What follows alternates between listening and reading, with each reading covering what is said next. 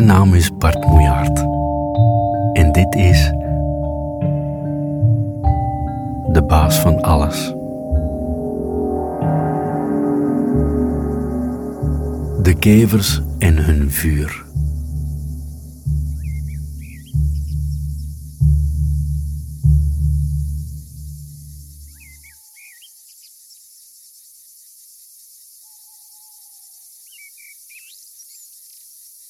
De kat was niet van plan na een dag al terug te keren naar de hond. Maar ze vond het ook niet nodig om zoveel bomen en een wei van hem verwijderd te zijn. Ze zocht haar weg door het struikgewas, kwam bij de rand van het kreupelhout uit en ging daar in het gras zitten, op een plek waar ze uitzicht had over de wei. Om zich heen zag ze het donker uit de grond komen.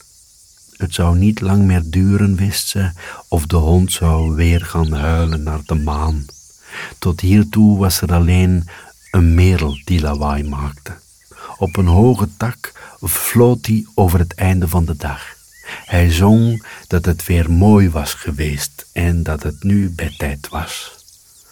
Dat dacht ik niet, mompelde de kat. Dat dacht ik niet.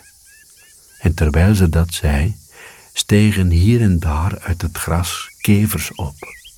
Zij vonden het ook geen tijd om te gaan slapen. Ze waren juist blij dat de nacht begon. Voor het donker waren zij niet bang.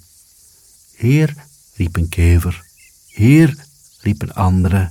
Heer, riep een derde. Ze waren met z'n velen. Ze riepen door elkaar dat ze hier waren.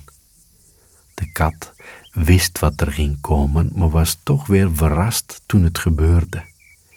Bijna allemaal tegelijk deden de kevers hun achterlijf aan. Het gloeide op en doofde weer, en ondertussen zweefden de kevers voorzichtig om elkaar heen. Ze trokken bochtjes van licht door de lucht, terwijl ze luidkeels riepen waar ze waren. Soms vergisten ze zich alles. Dan riepen ze: Kom hier, en deden alsof ze zich versproken hadden. Maar eigenlijk was het ook gewoon wat ze bedoeld hadden. Ze gloeiden en doofden en gloeiden een hele tijd door en wenkten elkaar schaamteloos. Ze waren volledig in de ban van elkaars licht en lieten zich door niets anders storen. Hier, hier, kom hier dat riepen ze nog, toen ook de hond van zich liet horen. Van achter de bomen aan de andere kant van het weidje kwam zijn gehuil. Het klonk schor en elke nacht werd het dunner. De kat schrok.